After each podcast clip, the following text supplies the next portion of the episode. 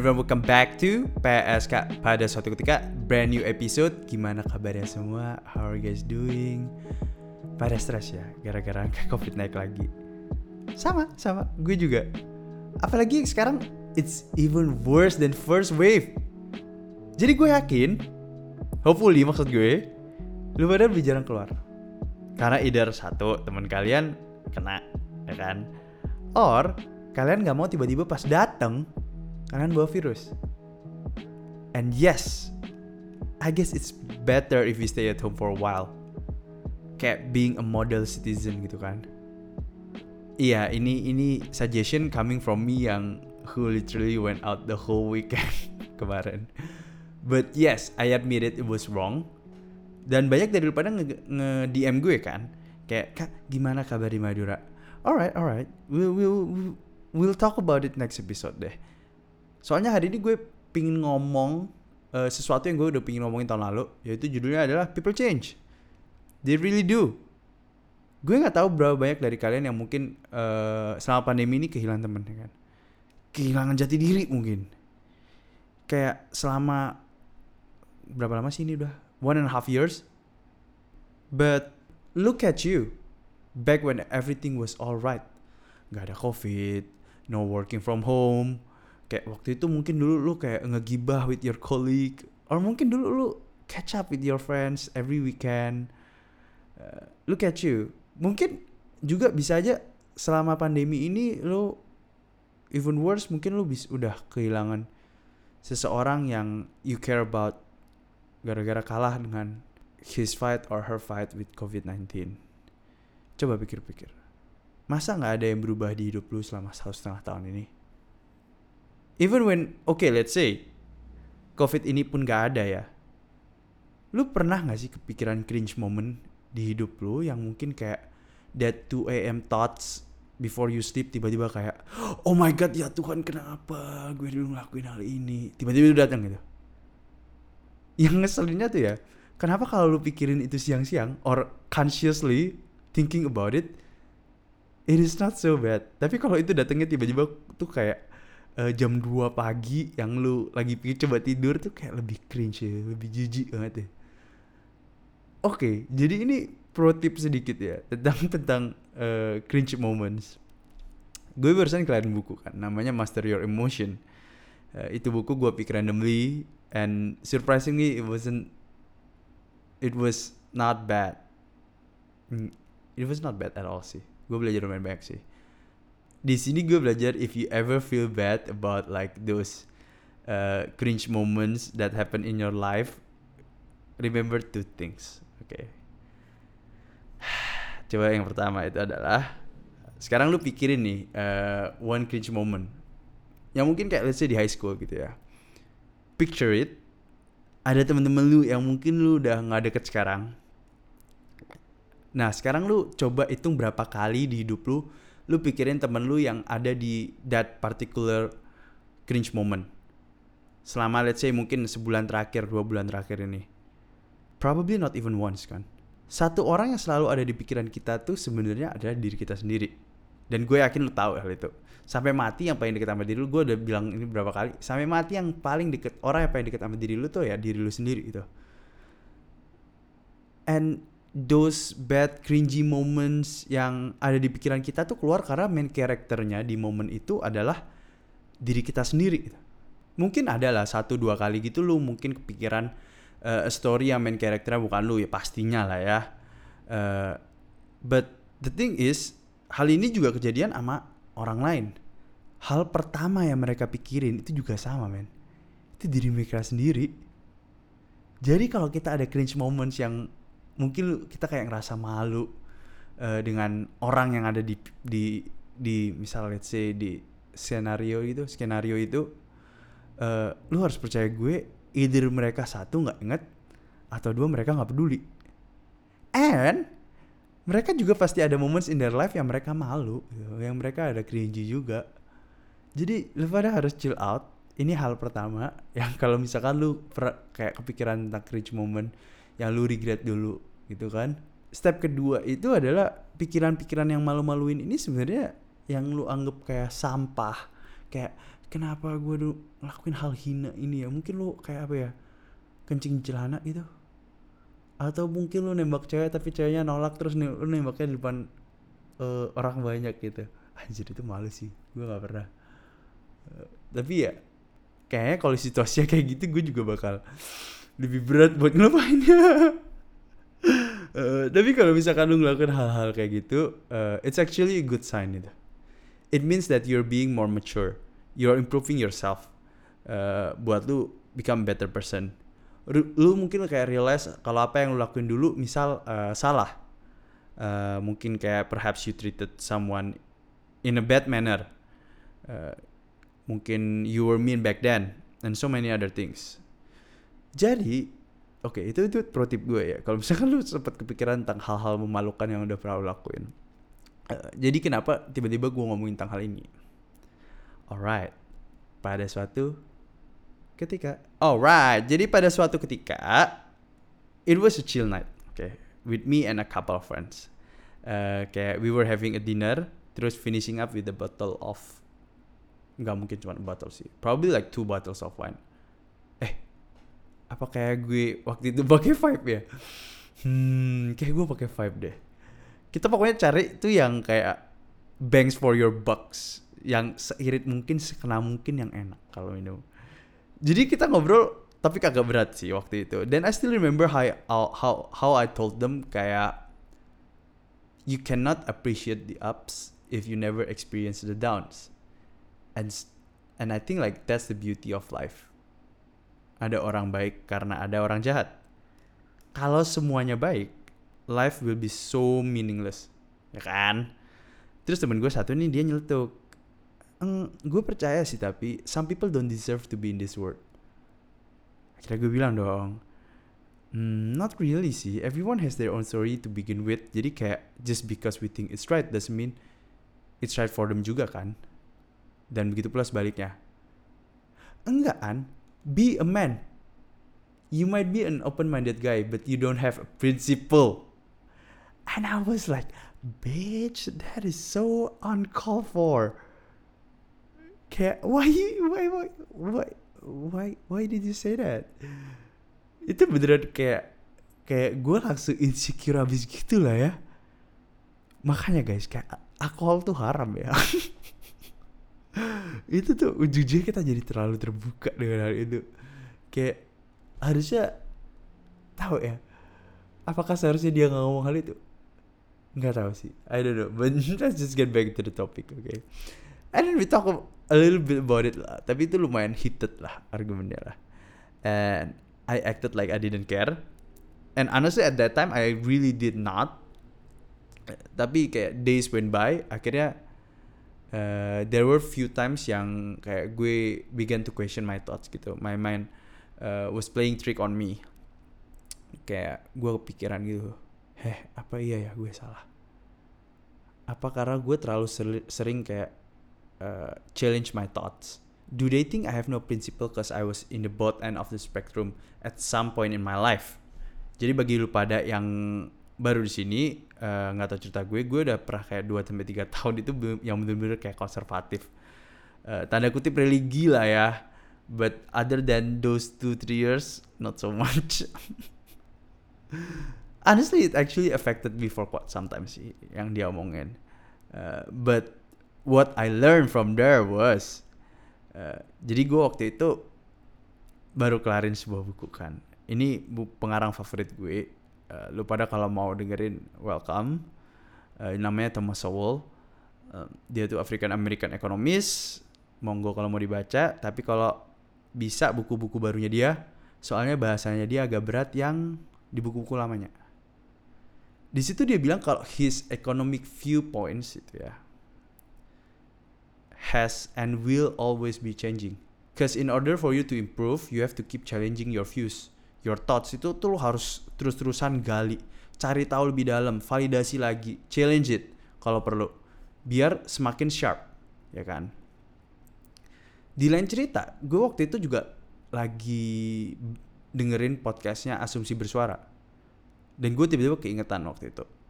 Kalau lu nggak nggak pernah denger, silahkan juga didengerin Jadi di asumsi bersama ini dia ngomongin tentang sosiopolitik dunia. Nathaniel Restu gitu nama hostnya. Uh, ten ten recommended. Ada satu hal yang waktu itu uh, gue dapet tentang view manusia dalam hidup nih ya. Dia mana sumbernya agree on one thing. Dia tuh agree kalau misalkan politician or politikus gitu itu sebenarnya sangat fleksibel dan justru jauh lebih fleksibel dari orang-orang pendukungnya. Tapi justru malah pendukungnya ini yang ngarepin politician ini untuk stay di view yang sama. Ya iyalah. Masa lu udah dukung terus tiba-tiba yang lu dukung berubah pikirannya? Kan nggak mungkin kan ya. Terus yang lu dukung apa aja? Kayak anggapannya lu dukung tim bola terus tiba-tiba tim bola yang lu dukung bilang kayak oh I'm quit. Gue sekarang mau jadi tim volley gitu. Doesn't make sense right?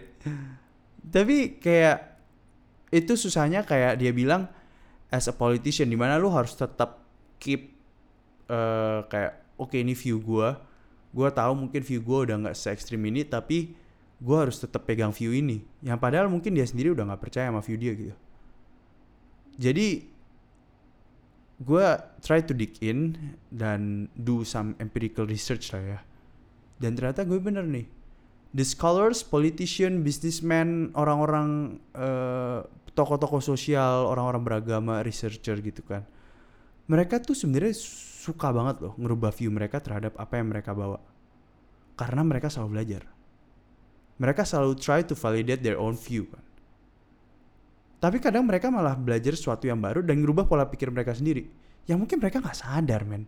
Kalau misalkan pola pola pikir mereka tuh sebenarnya udah kerubah sedikit demi sedikit anjir di situ gue honestly gue ngerasa kayak relief banget sih kayak oh ternyata gue nggak salah deh apa yang gue apa yang gue pegang ternyata gak salah so talking about principle in life and what you believe in the problem with believing in something is not about whether you can hold it or not but it's more of a matter whether you can challenge your view and you still believe that is right Makanya gue berapa kali ngomong di podcast gue itu, lu ngerasa view lu bener on one particular subject or topic nih ya. Of course lu validate itu dengan misal gue kasih contoh, I'm a feminist, ya kan? Every month or every like once every like two months gitu, gue pasti ada satu buku tentang feminism yang gue baca. Soalnya gue mau validate and nurture my belief, nurture my thoughts, nurture my core value. Jadi waktu gue ditanya, gue bisa jawab gitu loh. But gue pasti juga baca a few books about anti-feminism Nah, di situ gue review nih uh, apakah gue masih bisa percaya dan am apa yang gue pegang.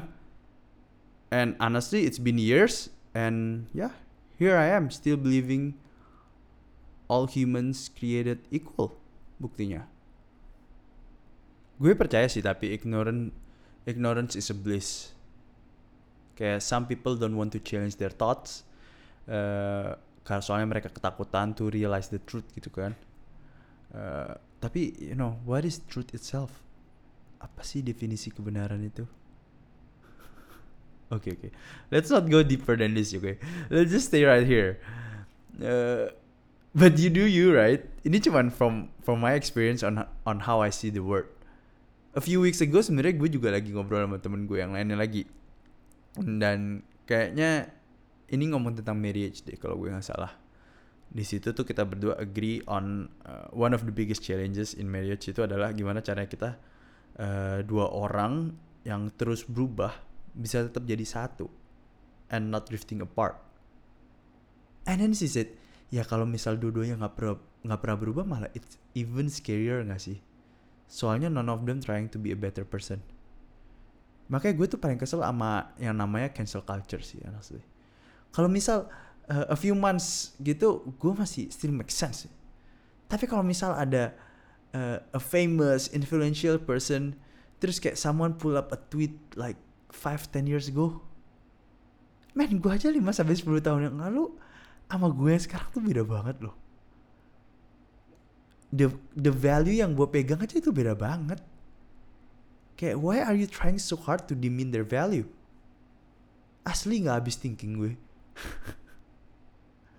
Yang lebih ngeselin lagi adalah orang-orang yang langsung benci uh, sama orang itu yang padahal mereka sendiri uh, sering cringe sama apa yang mereka pikirin lima tahun yang lalu kayak jujur aja gue dulu patriarki banget sih. Gue dulu patriarki banget. Gue dulu ngerasa kayak setiap gender itu ada A harus A B harus B dan uh, honestly A tuh lebih ada privilege on on a few things dan ya it is what it is. Gue nggak ngerasa kayak misalkan oh ya udah this is how the society works. Ya udah kalau misalkan cowok uh, yang kerja cewek yang gedein rumah tangga. Aduh kenapa gue bring up feminism lagi sih? Tapi ya kayak gue selalu percayakan hal itu dan gue nggak pernah pikirin akan hal itu. Dan gue ngerasa itu yang harusnya terjadi dan uh, look at me now. Sama apa yang gue pikirin 10 tahun yang lalu berubah banget kan? And it's not wrong. People change. I do change. I did change. Jadi kayak I'm not regretting it. Right? I guess that's it for the podcast today. I don't know ya if you feel the same way uh, but I'm pretty sure you do sih karena world is revolving dan gue percaya things will not be the same after this pandemic ends. New normal is real. Ingat yang selalu gue bilang kalau tiba-tiba temenan sama orang tiba-tiba temenan sama orang or even let's say in a romantic relationship gitu kan ya. And then you guys just kayak are just drifting apart ya ya udahlah ya. Emang udah nggak sepemahaman aja gitu. Kayak don't think too much about it. Don't dwell and spend so much time thinking about it. Kayak if you feel shit cause it doesn't work out ya mungkin bukan salah kalian ya. Tapi mungkin lebih ke arah salah waktu yang memisahkan kalian. Anjing ini cringe bangsat uh, gak make sense lagi uh, so yeah. My message itu cuman kayak just enjoy the journey. Kayak life is a definitely an adventure. Appreciate and be grateful over any changes in your life. Dari diri kalian sendiri or Eh, dari orang lain. Karena semua orang pengen berubah semua orang pengen uh, improve their self semua orang jadi lebih dewasa semua orang jadi kayak ngerasain banyak pengalaman yang terjadi di hidup mereka dan kita sendiri nggak bisa ngomong kayak misalkan kenapa lu berubah banget? Gitu. Kayak kayak what happened to you? Jadi nih balik misal orang ya lu juga berubah banget. What happened to you? Everyone has their own story. Nggak bisa lu paksain kalau storynya ternyata nggak sesuai. Anggapannya kayak misal lu tau gak sih yang orang tua yang overprotective ke anak-anak mereka uh, karena orang tua tuh biasanya mereka takut satu karena mereka care dan selalu ngeliat anaknya ini selalu sebagai anak kecil. Yang kedua adalah mereka belum siap dengan perubahan and knowing that anak kecil mereka ini bukan anak kecil lagi loh ya. Jadi uh, di situ tuh kita kita harus bisa ngejaga di mana ceritanya kalau misalkan teman kita ini berubah ya udah gitu. Kayak emang itu part of the process part of the living in this world ya it is what it is gitu. Sebenarnya gue ada satu hal sih yang sebenarnya gue pengen ngomongin tapi gue malu banget. But it is what it is kan? Uh, jadi kayak gue ngelihat satu meme di dua meme sih actually. Dua meme itu adalah satu sambil pertama adalah dia ngomong not meme lah ya it's like quote yang diambil dari Twitter gitu. Yang pertama adalah kalau lu if you're dating for not for a marriage then you're dating for a heartbreak. And I was like that is true. That is kind of true. Akhirnya tapi waktu habis berapa hari kemudian gue dapet lagi tuh meme baru lagi. Yaitu adalah if don't don't I think aduh gue lupa uh, precise wordnya apa tapi intinya dia ngomong kayak uh, kalau lo dating don't think too much about marriage gitu loh.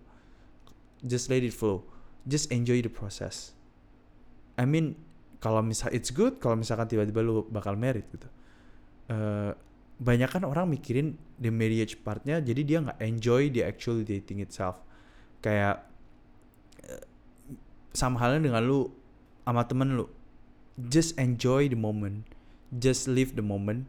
Gak usah pikirin kalau misalkan uh, temen lu bakal hilang. Or even kayak lu tahu gak sih gue lupa namanya apa lu pada bisa cari di internet tapi intinya kayak uh, bukan sindrom ya tapi kayak kadang lu tuh takut kehilangan orang yang lu cintain to the point yang lu nggak bisa enjoy keberadaan dia di saat itu. Jadi karena lu saking takutnya itu overtake your present moment. Jadi nggak usah takut kalau misalkan lu bakal kayak pikiran oh orang ini apakah orang ini bakal berubah? Dan uh, everything. Oh, dan ternyata dia berubah. Just be grateful with the moments that you guys have together. Ya kan so I think that's it for the podcast today. Gue cuma mau ngingetin people change they really do. Jadi kalau misalkan lu nggak bisa uh, terima akan hal itu ya udah lu nggak usah temenan. Lu nggak usah berinteraksi sama orang. Berarti guys lu juga bakal berubah sih.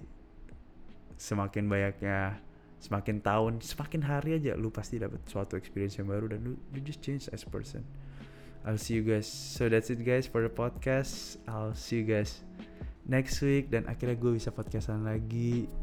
Akhirnya gue bisa lebih ya meskipun nggak nggak terjadwal every week lah ya but at least I'm trying my best uh, try to make a strong foothold right now. Jadi kayak gue nggak kaku lagi and just yeah trying to connect with you all.